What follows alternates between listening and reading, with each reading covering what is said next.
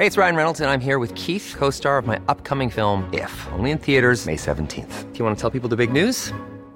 All right, I'll do. Sign up now and you'll get unlimited for $15 a month in six months of Paramount Plus Essential Plan on us. Mintmobile.com slash switch. Upfront payment of $45 equivalent to $15 per month. Unlimited over 40 gigabytes per month. Face lower speeds. Videos at 480p. Active Mint customers by 531.24 get six months of Paramount Plus Essential Plan. Auto renews after six months. Offer ends May 31st, 2024. Separate Paramount Plus registration required. Terms and conditions apply if rated PG.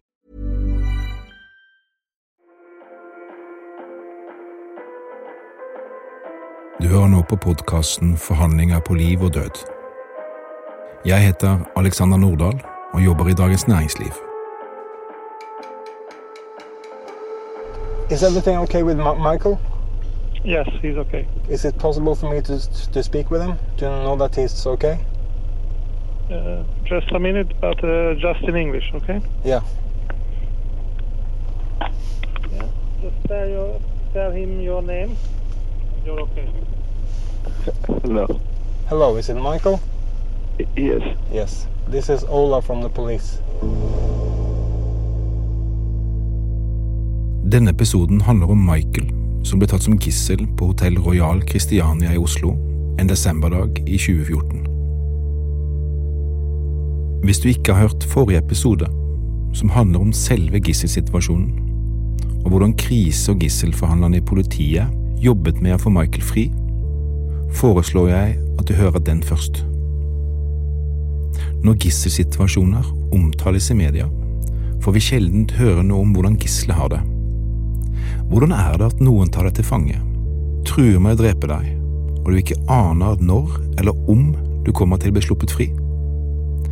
For å finne ut hvordan det kan være, skal du få møte Michael, gisselet på rom 476.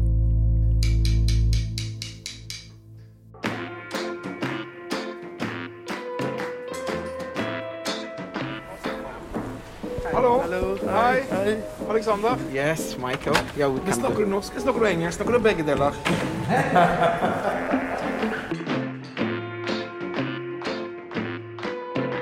Han ble holdt fanget av den ungarske gisseltageren du hørte i forrige episode.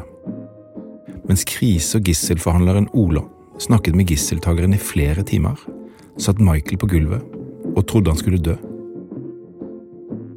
Michael er fra Ghana, som ligger vest i Afrika. I 2014 bodde han på Ås mens han tok en master i internasjonale relasjoner ved Norges miljø- og biovitenskapelige universitet. At the time, I was a student and uh, I was uh, taking my master uh, at uh, NMBU, Norwegian University of Life Sciences. So it's a master in international relations. og Michael har eksamen dagen etter. Men så ringer de fra Hotell Royal Christiania, der Michael jobber som renholder.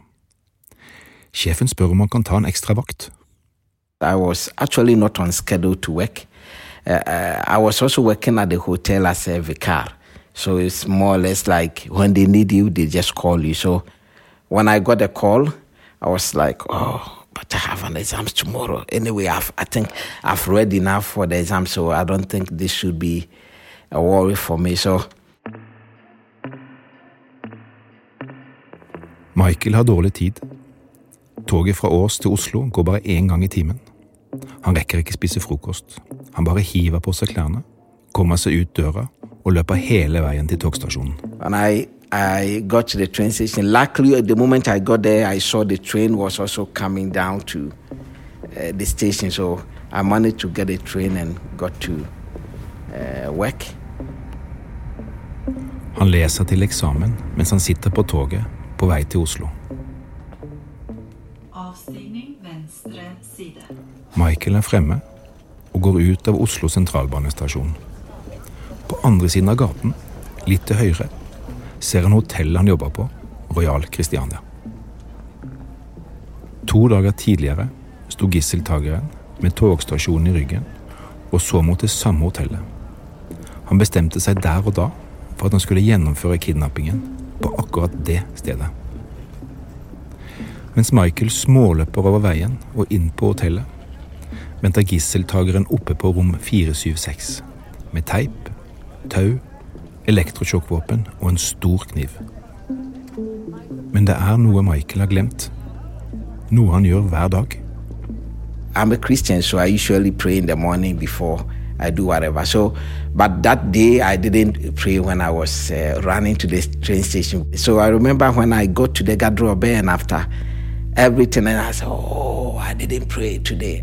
I just put my head on the uh, the locker that belongs to me, and then I just said just a short, short prayer. I just put my head there and I said, "Oh, uh, thank you, God, for today. I pray that you help me, protect me, and be with me. Amen." And that was all.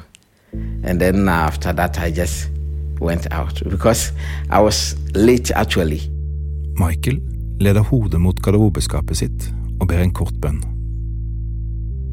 and also because I had I, I had an exams the next day, I wanted to be as fast as possible, so that when I finish my duty for the day, I can uh, tell them and then leave to go and continue preparing for the exams the next day.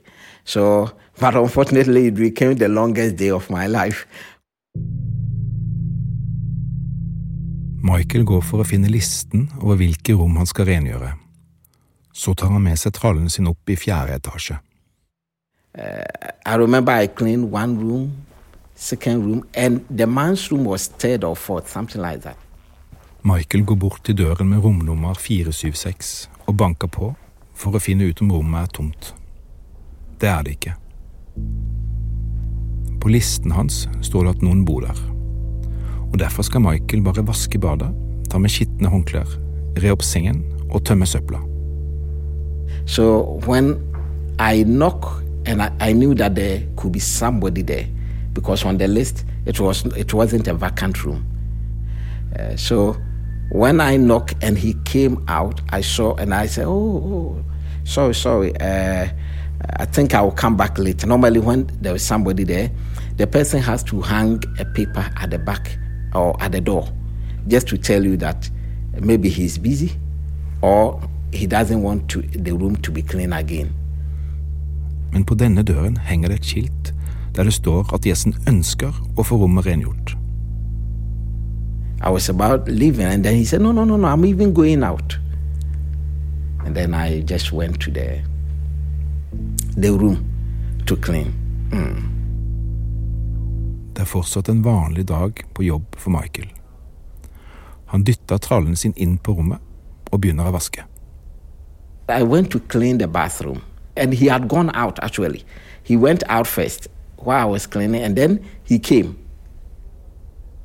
Ungareren reiser seg, går bort til døren og låser den. Så roper han på Michael. First, he ordered me to move from the bathroom. And then he had put a chair on the corner. And then he had the knife and the electric shocker. So he told me to sit, and I sat.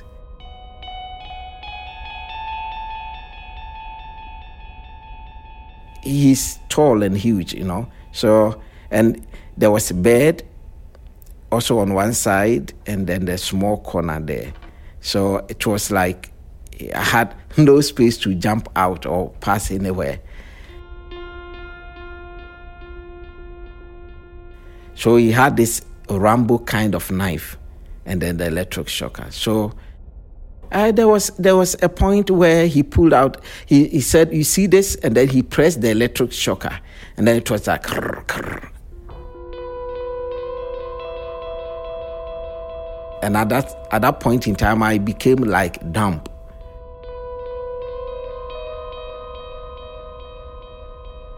And then he told me, "You know what? If you obey, follow the instructions, then nothing bad will happen to you. I'm not going to hurt you. But if you disobey, then you have yourself to blame.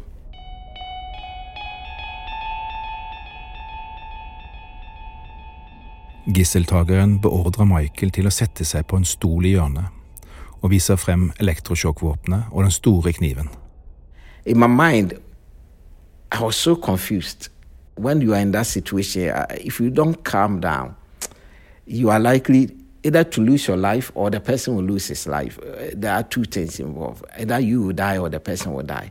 But I, I, I look at my chances of survival because I knew that he's uh, taller and bigger than myself, and so I didn't want to engage him in that. He told me that if I cooperate with him, then he wouldn't do anything. But if I don't cooperate, then uh, he can hurt me. He tied my hands, tied my feet, and then put a sellotape on my mouth, and then put me on the ground uh, by the bed. Sometimes he would drag me from one side to the other side. I was confused. I was so confused of what was happening. I thought I would die.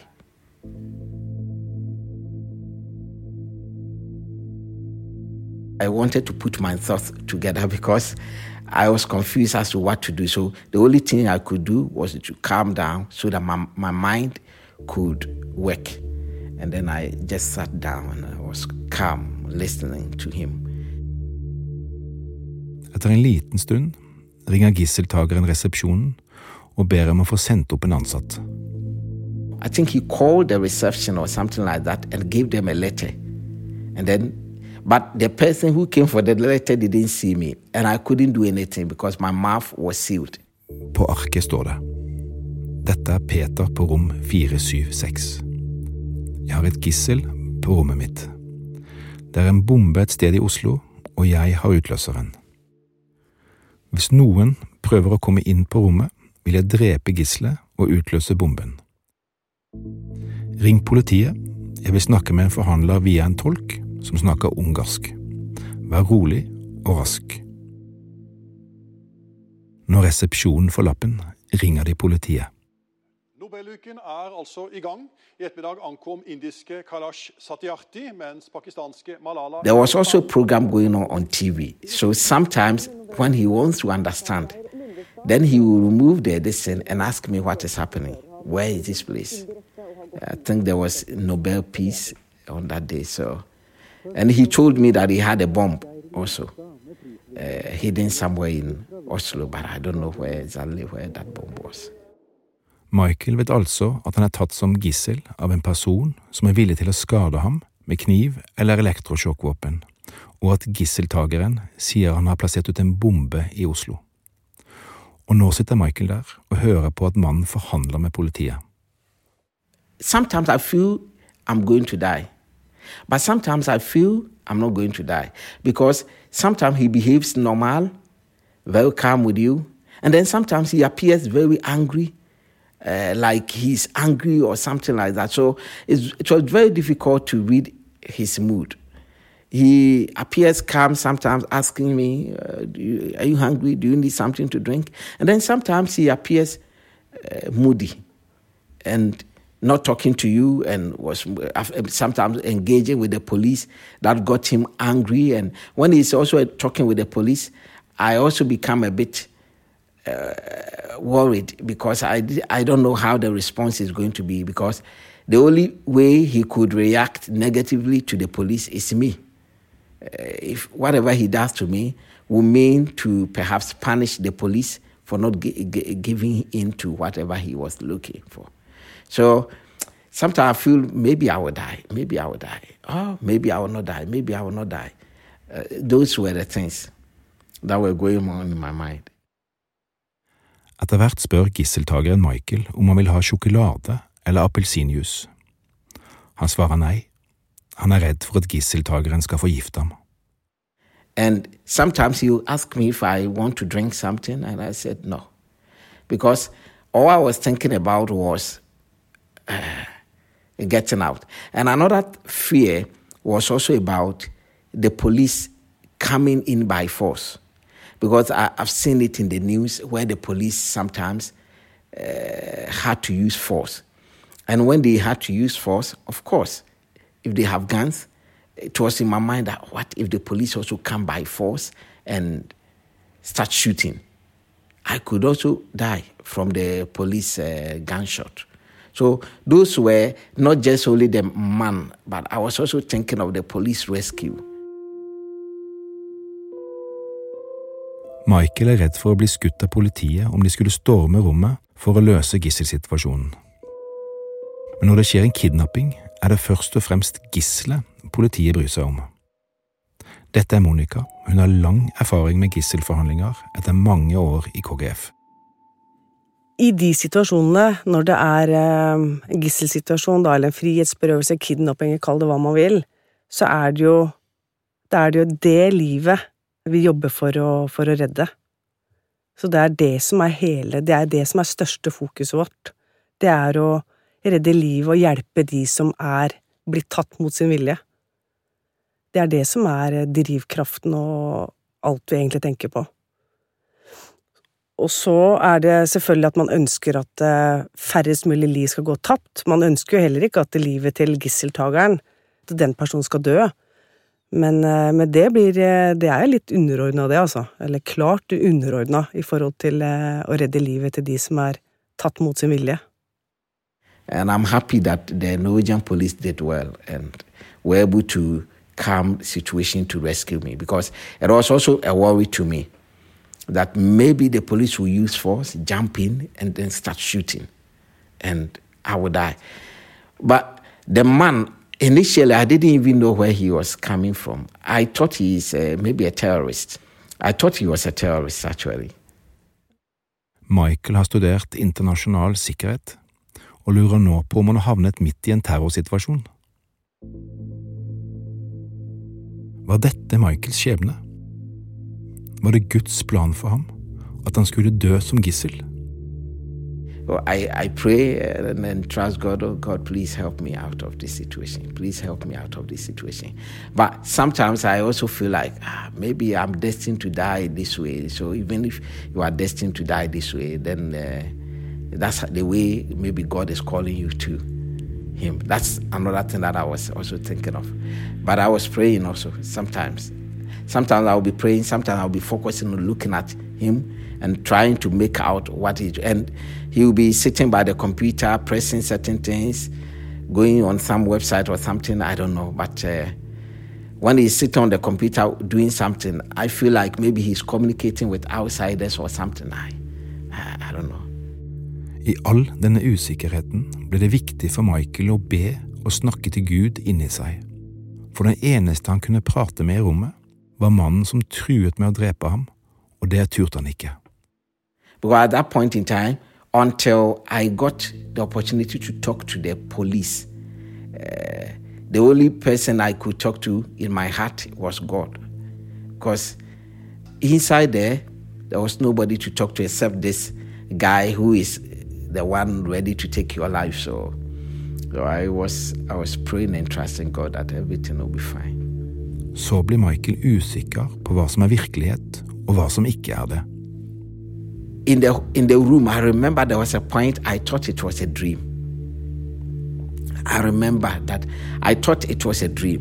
So I closed my eyes so hard and then I opened I opened my eyes so that if it is a dream, I could wake up from the dream. But when I woke up, the man was there. I was still in the room. Like, okay, maybe if it is a dream, let me let me try close my eyes and open so that if it is a dream, I can get out of this nightmare. And then I closed my eyes, open, boom, and still the man was there. And then I realized, ah, no, it's not a dream. This is a reality, you know. Og mens Michael lurer på om han drømmer, har det blitt satt i gang et stort apparat av politifolk på utsiden og innsiden av hotellet. Her er Monica fra KGF igjen. Det er oss, selvfølgelig, KGF, og så er det beredskapstroppen. Det kan også være bombetjenesten hvis det er snakk om eksplosiver, og det var det jo den saken der. Det kan være helikoptertjenesten. Så er det etterforskere blir aktivert med en gang. Det er etterretning blir jo aktivert for å skaffe mest mulig informasjon om situasjonen, og, og informasjon som kommer fram i situasjonen, da. Så det er et kjempestort apparat som settes, settes i gang når, når, det er sånne situasjoner. Mens politiet omringer hotellet og rom 476, har gisseltakeren bundet Michaels hender og føtter på en måte som gjør det vanskelig å bevege seg. Rommet er så lite at gisseltakeren ser alt Michael gjør. I assume he might have some training on how to tie people or something like that. And the room is not so big. So whatever you do, he will see you. Whatever you try to do, he sees whatever you are trying to do. So uh, sometimes he appears stressed. The police were not giving in to his demands. So sometimes he appears stressed. And then he'll be walking up and down, up and down, up and down, on, or in front of the bed, up, down. But he doesn't go out of my sight.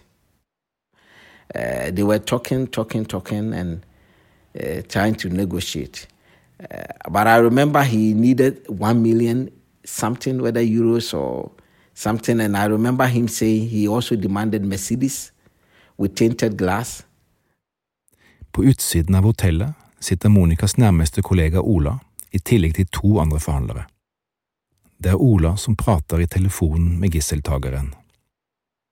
Ola avtaler at gisseltakeren skal gi telefonen til Michael, så han og Ola kan prate sammen. Is everything okay with Michael? Yes, he's okay. Is it possible for me to, to speak with him? To know that he's okay? Uh, just a minute, but uh, just in English, okay? Yeah. He said to me, You can't speak any language apart from English. Only English. I said, Okay, no problem. And then he removed the tape from my mouth. Yeah. Just tell, your, tell him your name. You're okay. Hello. Hello, is it Michael? Yes. Yes. This is Ola from the police. Okay. Yeah. Uh, we are doing whatever we can now to solve this situation peacefully. So just be calm. Okay. And uh, I remember Ola asking me and assuring me that uh, everything will be fine. Uh, I shouldn't be stressed. I shouldn't be worried. Uh, they are taking steps to make sure that they rescue me. And that was the biggest assurance I got. I mean, it gives me a lot of sense of hope. Can, can I have your birth date so we can confirm that it's you? Uh, sorry, Okay. it's okay. Is it Peter? So- Peter? Peter? Okay? Peter? Yeah. Thank you very much. That's Can, me. can I just get his birth date so I can confirm that it's Michael? Um, okay. I give it back to him. Okay, thank you. Hello. Hello. Michaels samtale med Ola ble kort, men sånn er det ikke alltid i gisselsituasjoner der Ola og Monica forhandler. Veldig ofte så er det jo gislene vi snakker med. Gislene er jo da ofte instruert av gisseltaker, og det vet vi jo, at de, eh, de har fått beskjed om hva de skal si, og hva de skal gjøre. Så det som da er veldig viktig for vår del da, det er jo å lytte til hva som blir sagt, sånn at vi får med oss den informasjonen som det gisselet har å si, for det er selvfølgelig viktig for det gisselet. Og så er det å betrygge på hvem vi er, hva vi gjør, at vi gjør alt vi kan for å få en eh, god løsning på saken og situasjonen. Det å lytte, det å betrygge og det å forklare er det som er kjempeviktig for oss når vi snakker med gisler. Og også hvis det passer seg at vi Så er det også viktig for oss å formidle at vi er At vi også ivaretar familien. At alt står bra til med dem, sett opp mot situasjonen, da. Men Michael har ikke noe familie i Norge. Han er alene, og han vet at gisseltakeren krever én million euro for å slippe ham fri. When he was demanding one million euros, I thought that, well, I mean, why would you think that I'm not a citizen of this country? If I'm a citizen, of course, then the state will spend one million euro to rescue the citizen. But I'm not a citizen, so I don't think this Norwegian government will want to spend one million euros on me. Han trodde ikke at eh, norske myndigheter ville være med på å redde hans liv, i og med at han ikke var norsk statsborger. Det var vondt å høre, eh, men jeg, men jeg skjønner jo godt, når han satte ord på det, så skjønner jeg godt hvordan han tenkte. Jeg, jeg ser jo veldig godt at han kan tenke sånn, og så syns jeg det var litt vondt at han tenkte sånn, stakkar. Fordi for oss så har jo ikke det noe som helst å si, eh, hva slags statsborgerskap man har. Det er et menneskeliv som eh, er på norsk jord, som er her i Oslo, som er i Norge. Det livet må vi gjøre alt du kan for å redde, uansett hvor man kommer fra i verden. Forhandlingene mellom gisseltakeren og politiet går sin gang, uten at Michael kan gjøre noe som helst.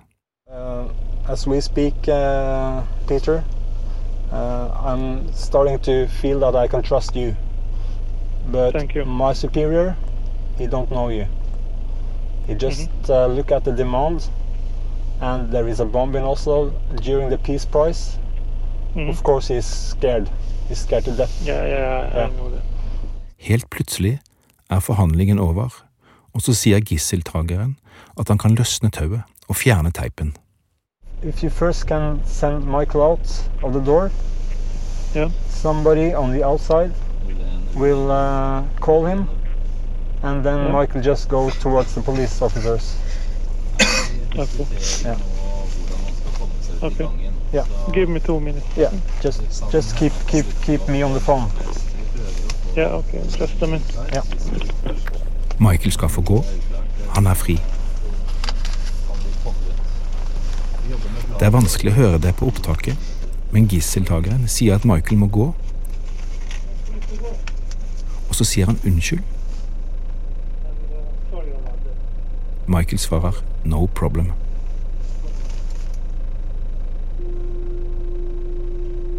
I remember him telling me that yes, he's going to uh, release me. So when he untied everything, I don't know how whether I flew.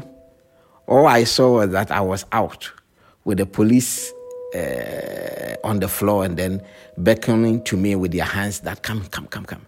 And then I rushed there and they were asking me what he has inside there and stuff. So when he untied me to the police, it was so swift. I think maybe it could be the fastest uh, time of my life because I was, I was, you know, now I could smile, I could laugh, I could be happy uh, because I'm out. But at that point, no, it was between life and death. You are standing in a situation where your life is like a thread. It can, you can lose it at any point in time. So it wasn't a matter of laughter. It wasn't a matter of smile. But today, uh, by the grace of God, I'm okay. I'm, uh, I'm strong, alive, and everything is fine. But that day, how I got out from that place to the police, I'm sure if it is, uh, I could be faster than the cheetah. It was, it was, it was, it was, it was, it was strange. Ah. Når gisseltakeren er arrestert og situasjonen er over, bestemmer Michael seg for å takke ja til å bli på hotellet. Natten alene i et nytt hotellrom blir lang. I think that day I had a night, I had nightmares afterwards for a while. So I went and the psychologist gave me some medication that could help me to sleep. Uh, because I think it was something you put under your tongue and then sh- you are gone. So because it was um, uh, after two, three. I, I remember that same night I slept in the hotel. I didn't go home, so the hotel gave me a room uh, to sleep. But when I woke up, I, was lying on the floor. I was not on the bed. Uh, I didn't sleep on the bed. When I woke up in the morning, I was lying on the floor, not on the bed.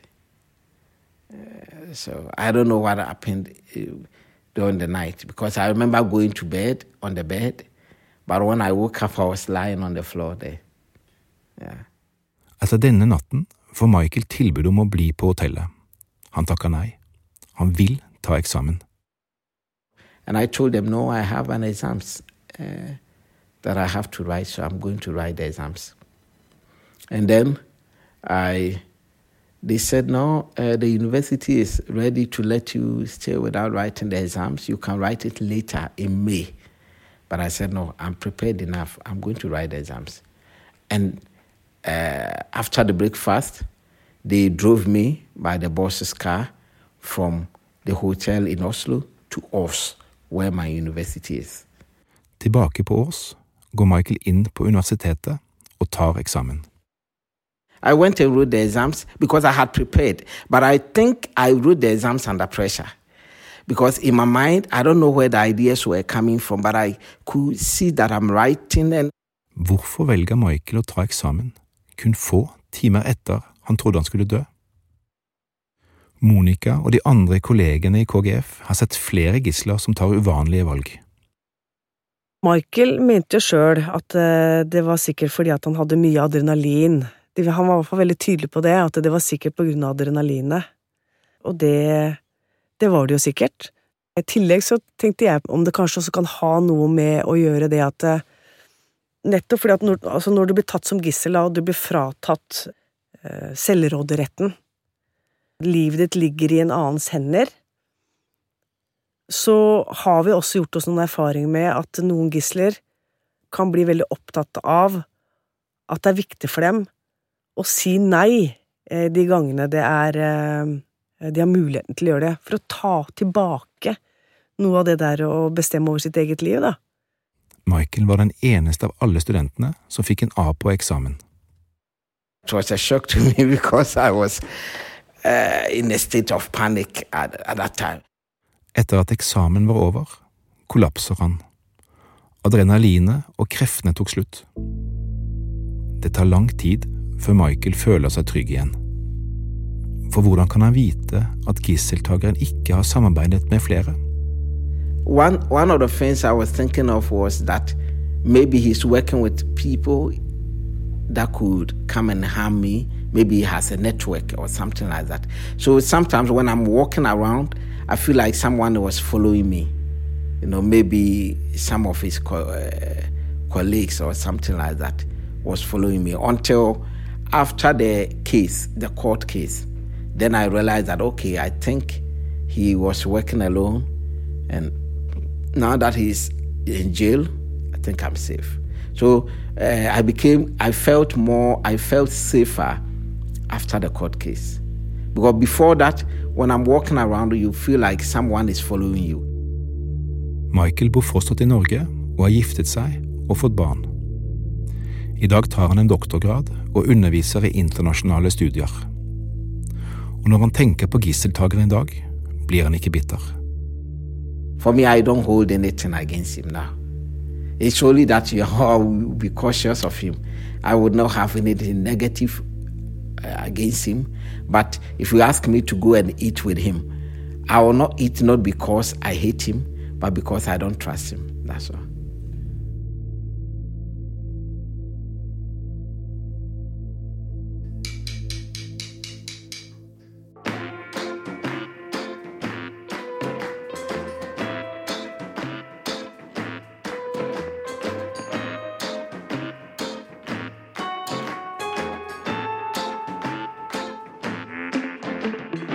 Neste episode får du høre hva forhandleren Katrine gjør når personen på andre siden av døren allerede har begynt å skade offeret og truer med å drepe det.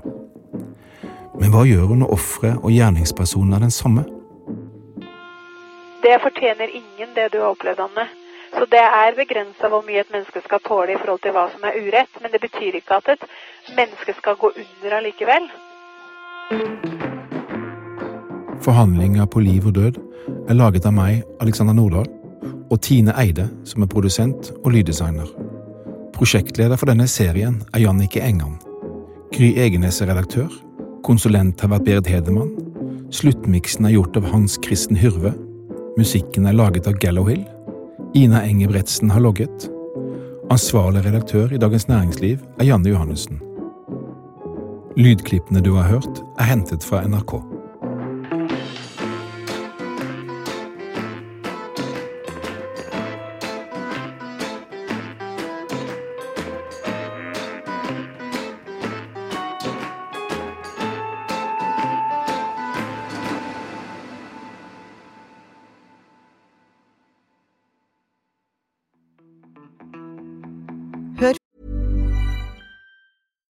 Hey, it's Paige DeSorbo from Giggly Squad. High quality fashion without the price tag. Say hello to Quince.